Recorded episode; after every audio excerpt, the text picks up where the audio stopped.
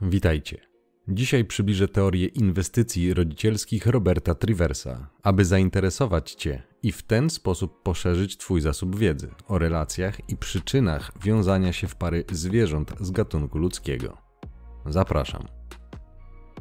Ten odcinek będzie dobrym wstępem, aby w przyszłości omówić psychologię ewolucyjną w kontekście relacyjnym, dlatego że przy jej użyciu można dość dobrze opisać i przewidywać prawidłowości na rynku matrymonialnym i dlatego warto, żeby się znał, szczególnie w czasach, gdzie moralność i fundamenty cywilizacji są systematycznie i metodycznie podkopywane.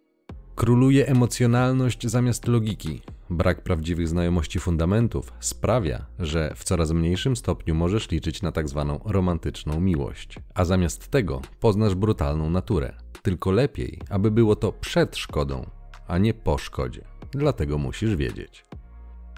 Inwestycja rodzicielska to każdy wydatek rodziców czas, energia, zasoby, który przynosi korzyść potomstwu. W 1972 roku Robert Trivers, socjobiolog i biolog ewolucyjny, przedstawił swoją teorię inwestycji rodzicielskich, która przewiduje, że płeć, która inwestuje więcej w swoje potomstwo, będzie bardziej wybredna przy wyborze partnera, a płeć mniej inwestująca będzie miała wewnątrzpłciową konkurencję o dostęp do partnerów. Teoria Triversa wyjaśnia różnice w doborze płciowym i preferencjach partnerskich w całym królestwie zwierząt, w tym ludzi. Nas z oczywistych względów będzie interesowała w odniesieniu do ludzi, aczkolwiek zachęcam Cię do samodzielnego przeczytania tej pracy. Link do oryginału umieszczę w opisie. Nie znalazłem jej polskiego tłumaczenia, ale praca nie jest długa, ma 23 strony. Z translatorem dasz radę zapoznać się z nią, nawet jeżeli nie znasz dobrze angielskiego. U ludzi, ale też na przykład wielu ptaków, potomstwo nie jest w stanie samodzielnie radzić sobie i przeżyć przez dłuższy czas po urodzeniu. W takiej sytuacji to samice inwestują więcej w swoje potomstwo niż samce. W przeciwnym wypadku sukces reprodukcyjny, rozumiany jako przeżycie dziecka, byłby zagrożony. Korzyści inwestycji rodziców w potomstwo na biologicznym poziomie są duże i mają oczywisty wpływ na kondycję, rozwój i przeżycie, co jest konieczne dla przekazania genów, czyli dla sukcesu reprodukcyjnego. Jak każda inwestycja, tak i ta posiada koszt. W przypadku ludzi jest to na przykład fizyczne ryzyko związane z ciążą i porodem, lub utrata możliwości godowych podczas wychowywania dzieci, itd. Poruszam ten temat dzisiaj, ponieważ kiedy zrozumiesz teorię inwestycji rodzicielskich, automatycznie zrozumiesz też, dlaczego z biologicznego punktu widzenia zostanie ojczymem, a w konsekwencji inwestowanie zasobów w nie swoje geny jest ewolucyjnie złym pomysłem. Zrozumiesz też, dlaczego panie tak chętnie podnoszą argument, że nie liczy się kto spłodził, tylko kto wychował. No pewnie, że tak mówią, a co mają powiedzieć? To jest sytuacja konfliktu interesów mężczyzna może inwestować swoje zasoby w siebie i w swoje dzieci lub w obce. Pytanie tylko, jaki jest sens inwestowania w obce? Dlatego, że inwestując w obce, ponosi koszt nieprzekazania swoich genów. Sprawa jest bardzo prosta, wręcz oczywista. Zgodnie z tą teorią, samotne matki i ich dzieci są bezpośrednim beneficjentem takiego kłamstwa o tym, że nie liczy się kto spłodził. Właśnie, że bardzo się liczy. Jeżeli takim hasełkiem uda się kogoś na to nabrać, to pani uzyskuje czas, energię i zasoby, które w przeciwnym razie musiałaby zapewnić sama. Kłania się teoria gier, kryterium maksymalizacji zysku i ograniczania strat.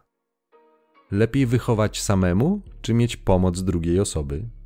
Dlaczego instytucja babci w przypadku samotnej matki, ale nie tylko, jest tak ważna?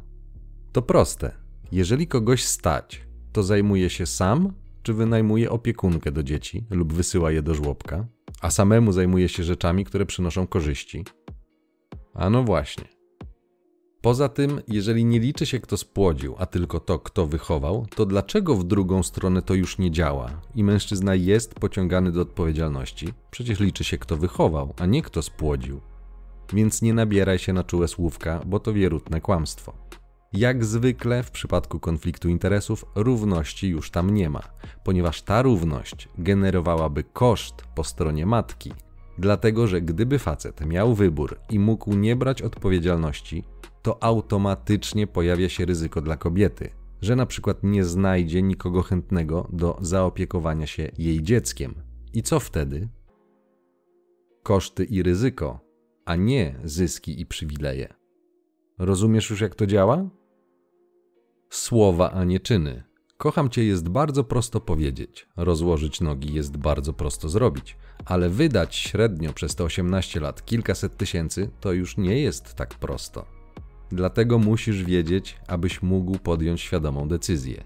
Jeżeli masz chęć inwestować w nie swoje geny i wychowywać nie swoje potomstwo, to oczywiście nie mam z tym problemu, ponieważ to Twoje życie, Twój czas, Twoje zasoby i Twoje konsekwencje. Ale warto, abyś zrozumiał ten nonsensowny fortel.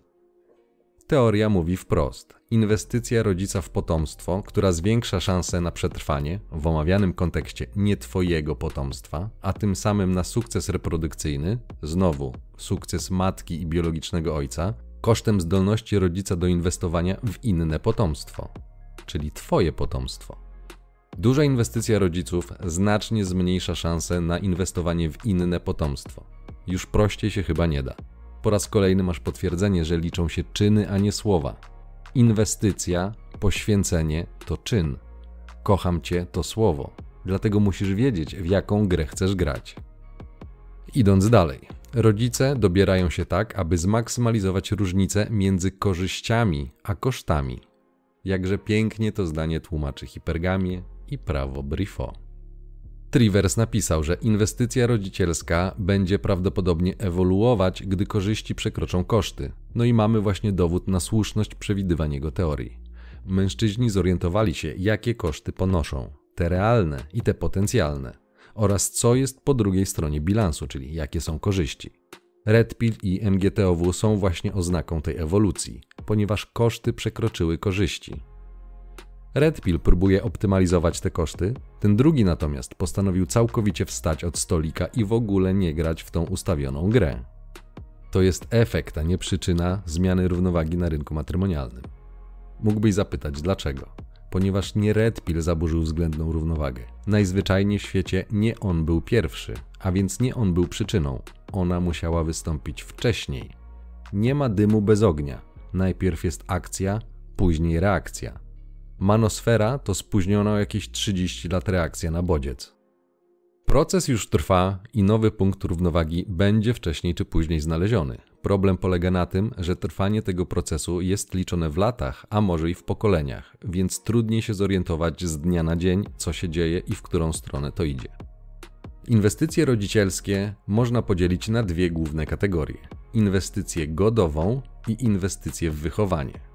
Zwróć uwagę na analogię między tym zdaniem a dwiema strategiami reprodukcyjnymi u panie. Powtórzmy. Inwestycję rodzicielską można podzielić na dwie główne kategorie: inwestycję godową i inwestycję w wychowanie. Alfa szmaci, beta płaci, mówi ci coś? Inwestycja w zapłodnienie składa się z aktu seksualnego oraz zainwestowanych komórek płciowych. Inwestycja w wychowanie to czas i energia poświęcona na wychowanie potomstwa po zapłodnieniu. Alfa czat i beta bankomat. Cóż za uderzające podobieństwo, na pewno przypadkowe. Dalej teoria wprost tłumaczy, dlaczego kobiety są hipergamiczne, ponieważ mają większe koszty związane z wychowaniem. Nakłady kobiet, zarówno na zapłodnienie, jak i na wychowanie, znacznie przewyższają inwestycje mężczyzn. W przypadku komórek jajowych i plemników inwestycje samicy są znacznie większe. Kobiety mają stałą podaż około 400 jajeczek, podczas gdy mężczyźni produkują plemniki w ilości milionów na godzinę. To zdanie tłumaczy, dlaczego od zawsze kobiety, mówiąc technicznie, były wąskim gardłem reprodukcyjnym. Wyjaśnia też, dlaczego kobiety w społeczeństwie miały uprzywilejowaną pozycję, ponieważ jajeczek jest zdecydowanie mniej niż plemników. To są proste zasady ekonomii. Podaż i popyt. Nierówność jest oczywista, a wartość ma to, czego jest mało. Z tego powodu w bajkach i w legendach w ofierze bogom poświęcano najdorodniejsze kobiety lub dziewice, ponieważ były cenne dla społeczeństwa. Czytałem kiedyś opracowanie, w którym autor szacował, że z reprodukcyjnego punktu widzenia życie kobiety i jej możliwość rodzenia dzieci jest około 7 razy bardziej wartościowe niż męskie. Przykro mi panowie, takie są zasady gry. Efnizm tak bardzo strzela kobietom w kolana z tymi postulatami równouprawnienia. 7 do 1. Ale nie ma równouprawnienia. Przecież takie równouprawnienie obniża wartość kobiet w populacji. Z tego punktu widzenia to czysty idiotyzm. No ale jak powiedział Mark Twain, łatwiej człowieka oszukać niż przekonać go, że został oszukany. W zasadzie, gdyby nie było to straszne, to byłoby całkiem zabawne. Z teorii inwestycji rodzicielskiej Triversa wynika kilka implikacji. Pierwsza implikacja jest taka, że kobiety często, choć nie zawsze, inwestują w seks. Tutaj warto, abyś zastanowił się, czym jest inwestycja w swój wygląd i swoją atrakcyjność, aby przyciągnąć mężczyznę w fazie inwestycji godowych. To jest dokładnie konsekwencja tej implikacji. Fakt, że często inwestują w seks, prowadzi do drugiej implikacji, że ewolucja faworyzuje samice, które są bardziej wybiórcze w stosunku do swoich partnerów, aby zapewnić, że stosunek nie będzie skutkował niepotrzebnymi kosztami. To tłumaczy, dlaczego samice, które nie uznają samca za atrakcyjnego, nawet nie chcą z nim rozmawiać, ponieważ optymalizują w ten sposób swoje koszty w takiej postaci, że nawet nie chcą tracić czasu. Oczywiście racjonalizacja jest taka, że nie czują tego wyjątkowego czegoś. No pewnie, że nie czują, bo gadzi mózg nie rozpoznał wartości, której poszukuje. Na tym punkcie skup się mocno, ponieważ pozwoli ci zrozumieć, jak wielkie rozregulowanie rynku stało się konsekwencją wprowadzenia pigułki antykoncepcyjnej. Trivers opisuje zachowania z pominięciem implikacji psychologicznych, jaką niesie posiadanie wielu partnerów seksualnych przez kobiety, gdzie stosunek nie kończy się macierzyństwem. Są natomiast badania, które pokazują, że jest to dewastujące dla ich psychiki. Nie ma darmowych obiadów, tak samo jak nie ma darmowego seksu. Dla obu płci. Takie są zasady gry. Trzecią konsekwencją jest to, że ponieważ kobiety inwestują więcej i są niezbędne dla sukcesu reprodukcyjnego całej populacji, to są tym samym cennym zasobem dla mężczyzn. W efekcie samce często konkurują o dostęp do samic, a nie konkurują z nimi. Wciągnięcie kobiet na rynek pracy spowodowało, że zaczęli konkurować. Efektem jest zaburzenie systemu. Trzecia konsekwencja tłumaczy na biologicznym poziomie skąd biorą się simpy. Cel jest od zawsze ten sam: dobranie się do pusi i reprodukcja. Tylko zamiast szeroko rozumianego podrywania i zdobywania kobiet jest żebranie. A przypominam, że to mało efektywna taktyka. Z tego punktu widzenia kobiety są cennym zasobem dla mężczyzn, którzy konkurują o dostęp do nich. W zasadzie nie ma co tu komentować, takie są fakty. Zatem z teorii Triversa można wyprowadzić logiczny wniosek, że postęp cywilizacyjny, rozumiany jako wzrost dobrobytu oraz zwiększająca się rola państwa socjalnego, będzie prowadziła do zmian inwestycji rodzicielskich, co za moment wyjaśnię. Ten wykres pokazuje, jak wygląda hipotetyczny przebieg kosztów rodzicielskich ponoszonych przez obie płcie. Jak widzimy, samiec musi na samym początku, jako pierwszy ponieść koszty, stania się atrakcyjnym. Model opisuje tą fazę jako zabezpieczenie terytorium. W przypadku człowieka jest to zbudowanie swojej pozycji socjoekonomicznej, czyli stanie się atrakcyjnym dla samic, zgodnie z tym, co już wiemy, aby zaspokoić instynkt hipergami. To dodatkowo pokazuje fakt, o którym manosfera mówi otwarcie, że wartość kobiety od początku jest jej dana w postaci atrakcyjności i płodności, natomiast jest aktywem ulegającym deprecjacji, czyli tracącym wartość w czasie. Zwróć uwagę, że w długim okresie te koszty są mniej więcej podobne. Raz więcej inwestuje samiec, raz samica, w zależności od momentu w cyklu, ale panuje względna równowaga. Inwestycje kobiety diametralnie rosną po zapłodnieniu. Dla dociekliwych i głodnych wiedzy polecam dogłębnie przeanalizować, jak wspomniana wcześniej antykoncepcja zaburza względną długoterminową równowagę kosztów inwestycji rodzicielskich. Jeżeli będziesz wystarczająco ciekawy, to zrozumiesz, dlaczego będzie ogromny sprzeciw środowisk efnistycznych na powstanie i rozpowszechnienie męskiej antykoncepcji. Z tego samego powodu będzie zajadły sprzeciw na posługiwanie się sztucznymi macicami. Powód jest prozaiczny. Odebranie kobietom monopolu na rodzenie dzieci zachwiałoby ich pozycją w potężny, potężny sposób, moim zdaniem dużo większy niż wynalezienie pigułki. Załóżmy, że z takiej technologii mógłby skorzystać mężczyzna. Mógłby mieć dziecko, czyli sukces reprodukcyjny, bez udziału kobiety, a zatem jej rola w procesie reprodukcyjnym spadłaby do pobierania i sprzedania jajeczka. Zniknęłoby ryzyko alienacji rodzicielskiej, alimentów, fałszywych oskarżeń, migreny wieczornej i innych, a to już daje kompletnie inną macierz wypłaty rodzicielstwa. Gdy to się stanie, teoria inwestycji rodzicielskich przestanie działać w takim kształcie, ponieważ znikną jej biologiczne fundamenty i zmieni się macierz oczekiwanej wypłaty. Czyli mówiąc wprost, zmieni się kalkulacja zysków i kosztów. I zastanów się, jaka wtedy mogłaby być wymówka na rzekomą męską opresję. Nie byłoby, a to śmiertelne zagrożenie, bo nie będzie można korzystać z przywilejów.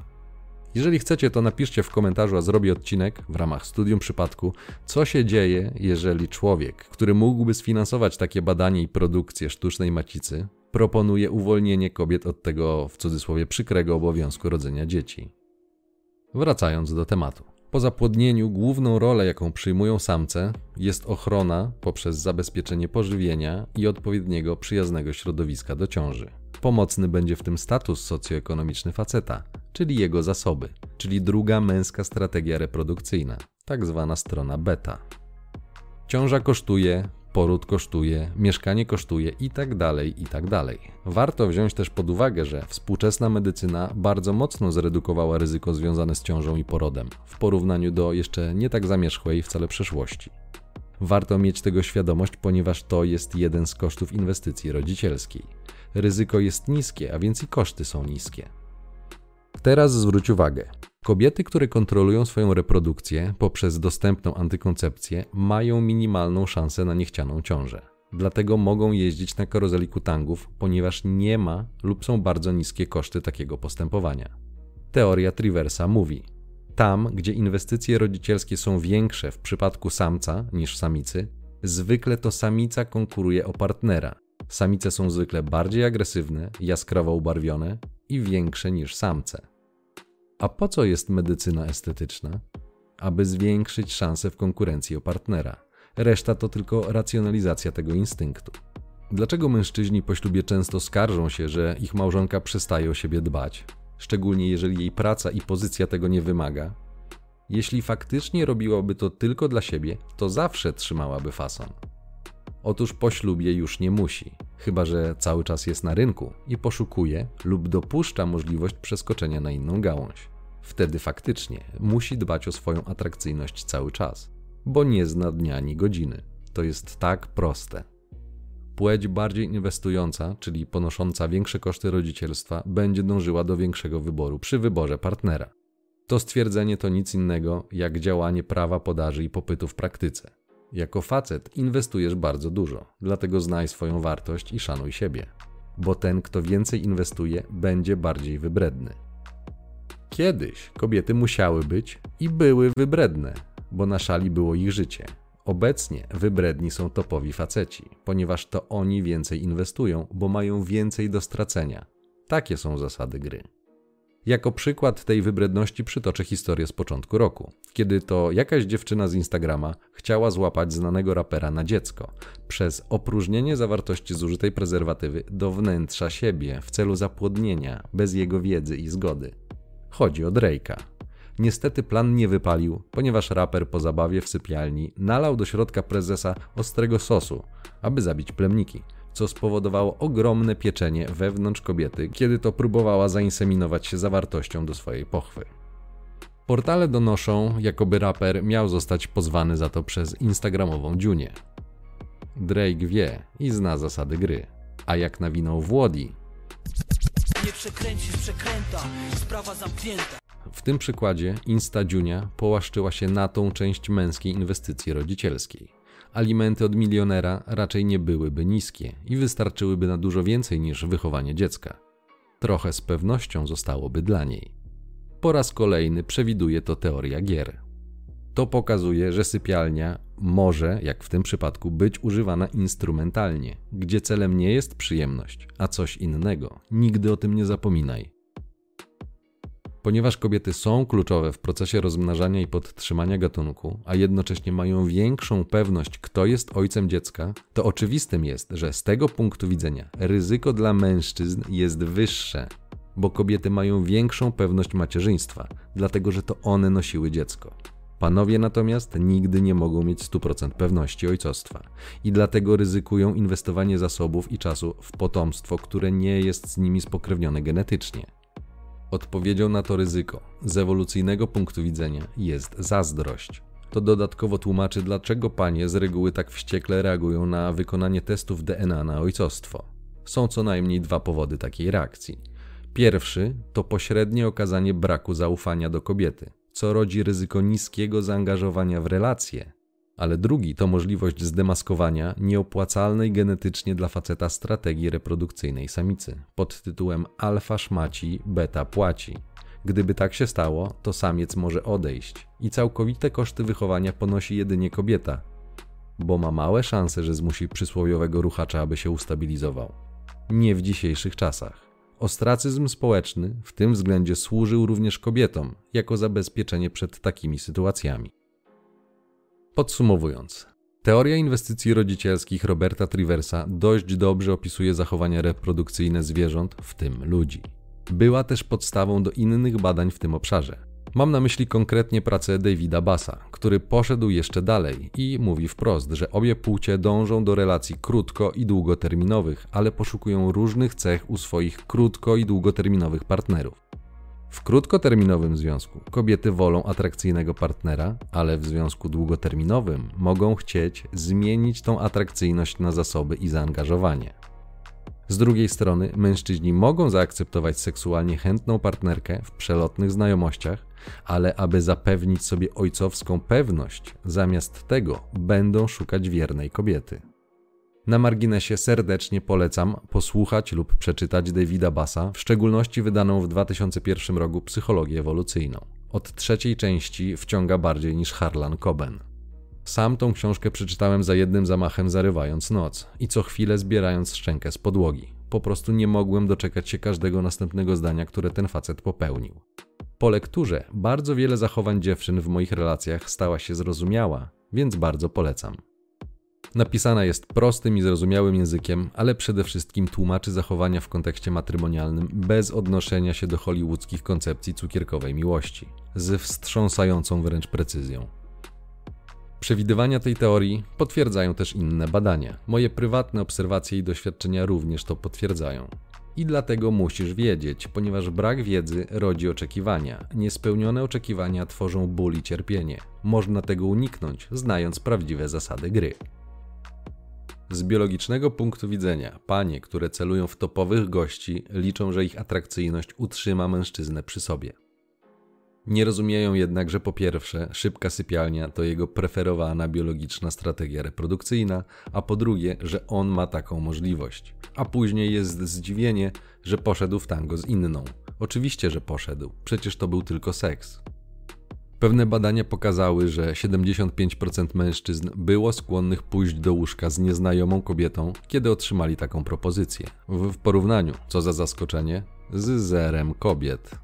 Z drugiej strony 50% kobiet zgodziło się na randkę z nieznajomym mężczyzną. Sugeruje to, że mężczyźni poszukują związków krótkoterminowych, podczas gdy kobiety wykazują silną preferencję do związków długoterminowych, przy założeniu, że są koszty w postaci dzieci.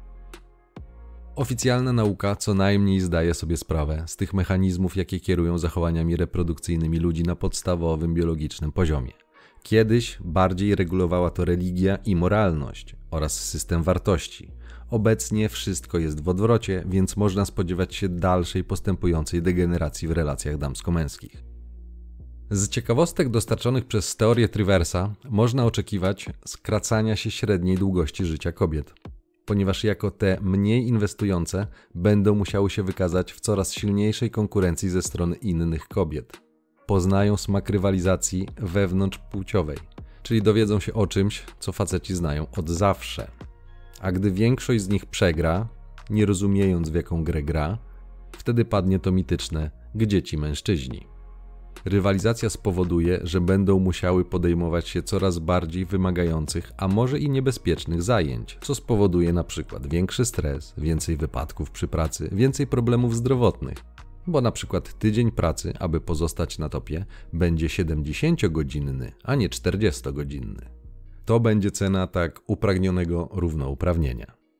Niestety najgorsze w tym wszystkim jest to, że wbrew narracji o rzekomo opresyjnym stosunku mężczyzn do kobiet, co jest totalnie odklejone od rzeczywistości, chociażby dlatego, że kobiety są istotne dla mężczyzn, dokładnie tak jak opisuje to Trivers, cenę zapłacimy wszyscy kobiety i mężczyźni.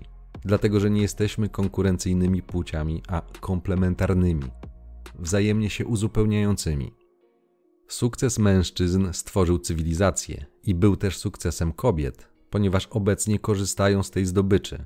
I to dlatego teraz efnistki mogą krzyczeć silne i niezależne. Porażka mężczyzn będzie też porażką kobiet. Przykładem jest słynne hasło kobiety na traktory i praca kobiet w fabrykach, kiedy mężowie i synowie byli mieleni w maszynkach do mięsa, na przykład II światowej. To wszystko wskazuje, że niestety i tym razem nie będzie inaczej. Porażka kobiet w perspektywie będzie też porażką mężczyzn. Jedni i drudzy będą cierpieć. Efekty poznamy w ciągu kilkudziesięcioleci lub dwóch, trzech pokoleń. Początki widzimy już dziś. Znając tylko przybliżoną dziś teorię Triversa i używając najzwyczajniej logiki, będziesz w stanie samodzielnie dojść do wielu wniosków, które manosfera zna i co więcej, sprawdziła w praktyce ich działanie. Ponieważ one są logiczną konsekwencją prawdziwego stanu rzeczy, a nie błędnych przekonań. Dlatego zachęcam do samodzielnego przestudiowania tego zagadnienia, ponieważ ma ona empiryczne podstawy. Więc jeżeli poznasz tą teorię i zaczniesz szukać potwierdzeń lub zaprzeczeń w swoich relacjach, lub w relacjach osób, które znasz, to bardzo dużo kwestii stanie się oczywistych, dlatego musisz wiedzieć. Jeżeli udało mi się zainteresować Ciebie efektem pracy Roberta Triversa, to bardzo dobrze, a jeżeli nie, to podejmę ostatnią próbę. Jest on również autorem pracy pod tytułem Ewolucja wzajemnego altruizmu, w której wyjaśnia, dlaczego ludzie wzajemnie sobie pomagają lub nie. Po zapoznaniu się z nią, poszerzy się też zrozumienie omawianego wcześniej prawa Brifo. Ciąg dalszy nastąpi.